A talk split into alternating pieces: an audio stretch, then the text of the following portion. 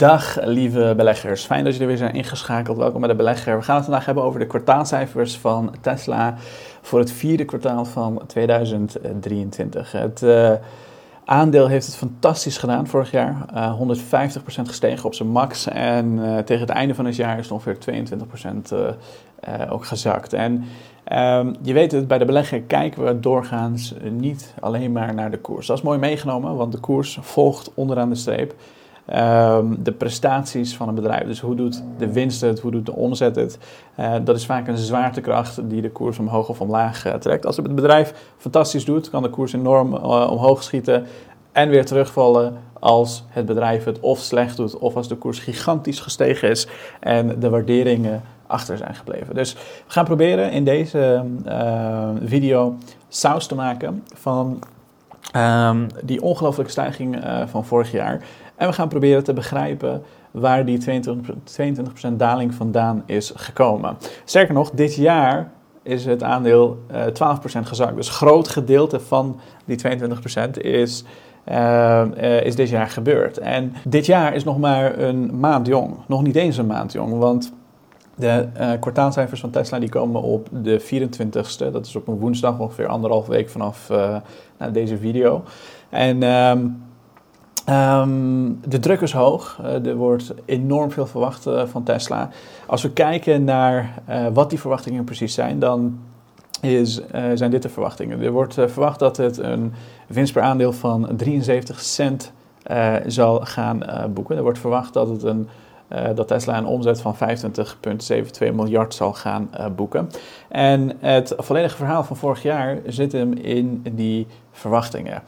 Um, in een tijd, overigens, waar heel veel EV-bedrijven ehm, uh, failliet zijn gegaan. Heel, veel EV-bedrijven die, ik geloof dat Lucid die 97% is gezakt. Heel veel EV-bedrijven zoals NIO, die gestopt zijn met groeien. Die enorme schuldposities hebben uh, opgebouwd. Heel veel EV-bedrijven die het gewoon simpelweg laten afweten. De enige twee die floreren, die het echt heel goed doen, eigenlijk de enige drie, zijn Li Auto, BYD en Tesla.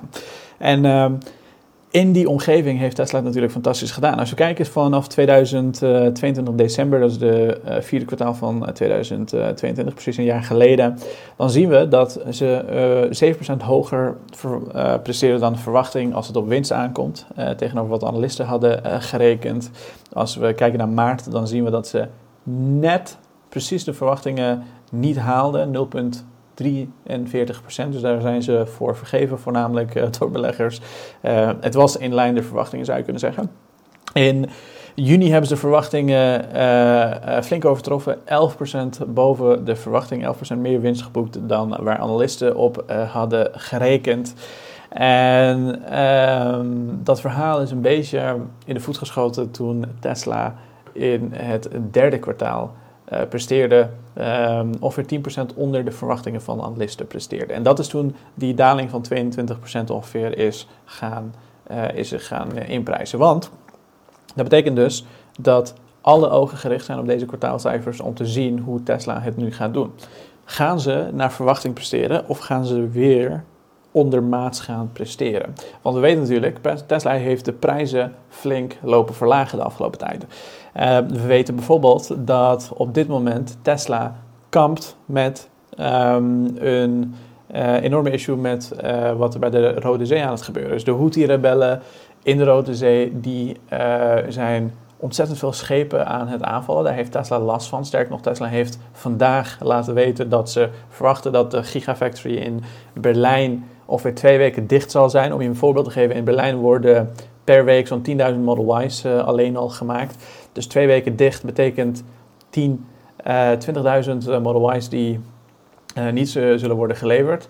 Het zou kunnen zijn dat dat overigens 5000 per week is en dat 10.000 in totaal is. Ik heb het eh, even niet scherp op mijn hoofd. Maar in ieder geval veel Model Y's die dus niet kunnen worden geleverd. En dan hebben we het nog niet eens gehad over de Model X, over de Model S, over de Model 3, die ontzettend goed verkoopt. En uh, twee weken dicht zijn, ja, dat, dat, dat, dat kan schade betekenen voor Tesla. Dat, kan, dat zal dan misschien niet meteen nu in dit kwartaal zijn, waarschijnlijk in het eerste kwartaal, die we pas over drie, vier maanden binnenkrijgen. Maar Tesla heeft dus met uh, best wel veel dingen te kampen. En uh, dat betekent dus ook dat het aandeel onder druk komt te staan om, te, uh, om op hoog niveau te kunnen gaan presteren. Price cuts, we zien um, leveringsproblemen door de Houthi-rebellen.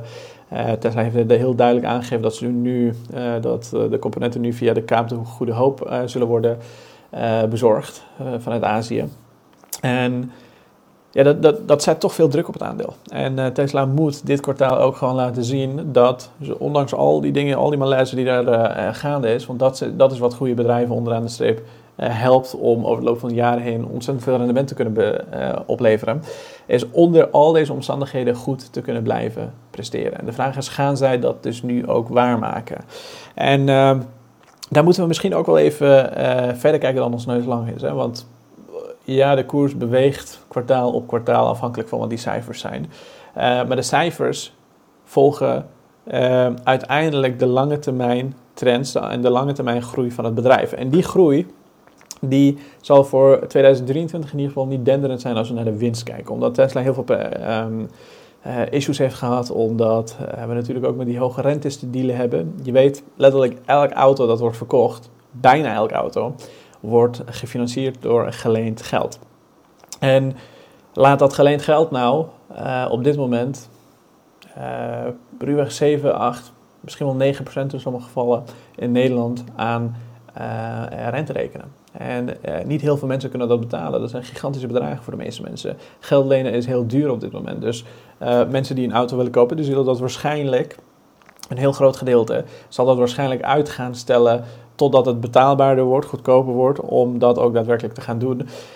Um, want het is nu gewoon simpelweg heel duur. Dus er zijn heel veel dingen die gaande zijn. Daarom zie je ook dat letterlijk de hele markt uit elkaar klapt. En Tesla als een van de weinigen uh, overeind blijft. Maar dan moeten ze dat ook weer elk kwartaal gaan laten zien. Um, maar dit jaar wordt in ieder geval qua winst uh, niet de, het beste jaar van uh, Tesla. dit jaar zullen ze op min 21% groei, ehm, oftewel krimp, eindigen op 3,18. Maar 2024 wordt door analisten wel positief gezien. Uh, er wordt 22% eh, groei verwacht om uh, in ieder geval een heel groot gedeelte van de daling van 2024 te kunnen, goed te kunnen maken. Dat betekent dus een forward PE voor volgend jaar van 56. Dus ook al is Tesla nu misschien rijkelijk gewaardeerd, zal dat aan het einde van volgend jaar een stuk aantrekkelijker zijn als die verwachtingen uh, waarkomen. In 2025 wordt er 36% winstgroei verwacht. Dat is door ongeveer 28% analisten. En die verwachtingen lopen best wel uiteen. Hè? Want de low estimates zijn 3,25. De high estimates liggen bijna aan de 9, 9 dollar per aandeel aan winst voor Tesla. Maar wij rekenen met gemiddeld, dat is 5,32. En dan kom je uit op een forward PE van 41.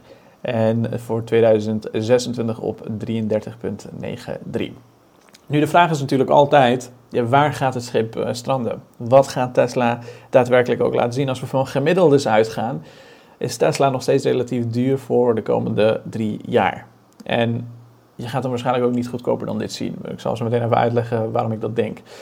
Um, maar als je uitgaat van gemiddelde waardes en die gaat uit voor, uh, van uh, de waardering zoals we dat nu en voor de komende drie jaar gemiddeld hebben berekend, dan is Tesla nog steeds uh, duur.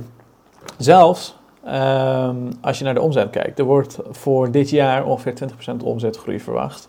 19 zoveel, maar even afgerond 20% uh, dat betekent dus dat, de, de, dat er 97 uh, miljard aan omzet wordt verwacht. Er zijn ook analisten die zeggen nee, uh, Tesla zal waarschijnlijk veel meer omzet gaan boeken dit jaar. Dus richting de 107 miljard.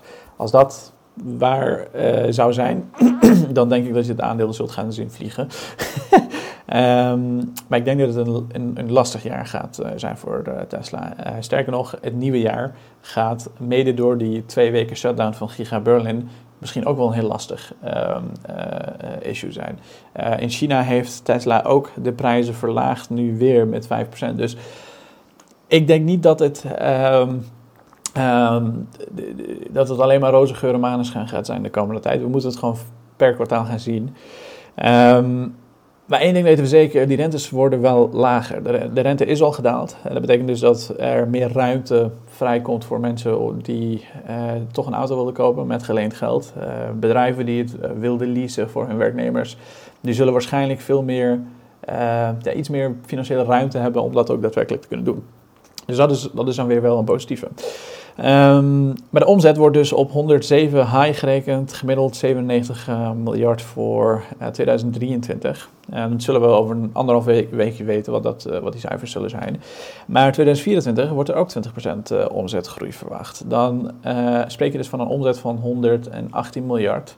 De hoge verwachtingen, als die rentes blijven dalen, als uiteindelijk allemaal meevalt met die Houthi-rebellen en als uh, die prijs, prijsstijgingen uiteindelijk meevalt, de vraag uh, neemt toe en ga zo maar door. Um, en bij Tesla is overigens vraag geen issue, maar leveringen is een issue. Ik bedoel, ik heb zelf nu een Model S besteld en dat wordt mede door die shutdown van Gigafactory in Berlijn pas waarschijnlijk in april of mei bezorgd. Dus ik moet ongeveer vier, bijna vijf maanden wachten om het te krijgen. Dus de vraag is er wel, maar kunnen ze ook snel genoeg die dingen maken? Ze, hebben eigenlijk veel meer gigafactories nodig om uh, uh, de, de, de, de omzet en de winst sneller te zien stijgen over de komende jaren. En dat is ook wat de, die analisten inprijzen als ze het hebben over 137 miljard aan omzet in plaats van wat gemiddeld wordt verwacht van 118 um, uh, miljard aan omzet. Dus we moeten het gaan zien. En in 2025 wordt er 22% gemiddeld aan groei verwacht. De hoge verwachtingen zijn nogmaals flink hoger, 171 miljard aan omzet wordt er verwacht, tegenover 145 gemiddeld. En in 2026 uh, eh, wordt er 220 miljard verwacht en uh, gemiddeld zo'n 168 miljard aan omzet. Dus dat zijn gigacijfers, dat zijn grote cijfers. En um, de vraag is dus, wat denk jij dat het zou kunnen gaan worden? Denk je dat we gemiddeld gaan scoren? Denk je dat we heel hoog gaan scoren? Of denk je dat we meer richting uh, uh, de lage cijfers zullen, zullen gaan scoren? En ik denk dat, uh, ik denk persoonlijk dat Tesla daarin wel relatief wordt onderschat door de gemiddelde analist. Dat hebben we natuurlijk de afgelopen jaren al gezien, heel vaak. Um, en dat zullen we de komende jaren denk ik ook wel zien. Ik denk een van de belangrijkste dingen die je moet weten is Tesla is niet alleen een autobedrijf. Hè? Het is een softwarebedrijf. Uh, letterlijk elke auto die verkocht wordt, die kan uh, in principe uh, worden gekocht met full self-driving software. Van, ik geloof in Europa zo'n 7.500 in, in de ehm, Verenigde Staten zo'n 12.500 dollar. En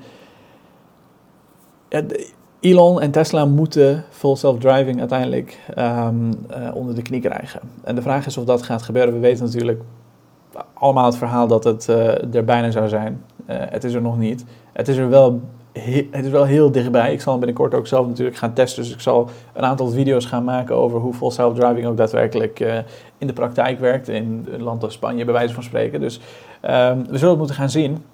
Maar dat is een van de moonshots van Tesla. En daarom vind ik persoonlijk dat uh, het nog steeds heel aantrekkelijk gewaardeerd is. Dus ook al is het duurder in traditionele standaarden, ik vind dat een bedrijf altijd een moonshot moet hebben. Die van Tesla is full self-driving, maar ook energy generation. Hey, uh, uh, de afgelopen kwartaal heeft energy generation is 40% gegroeid. Services en other revenue zijn 32% gegroeid.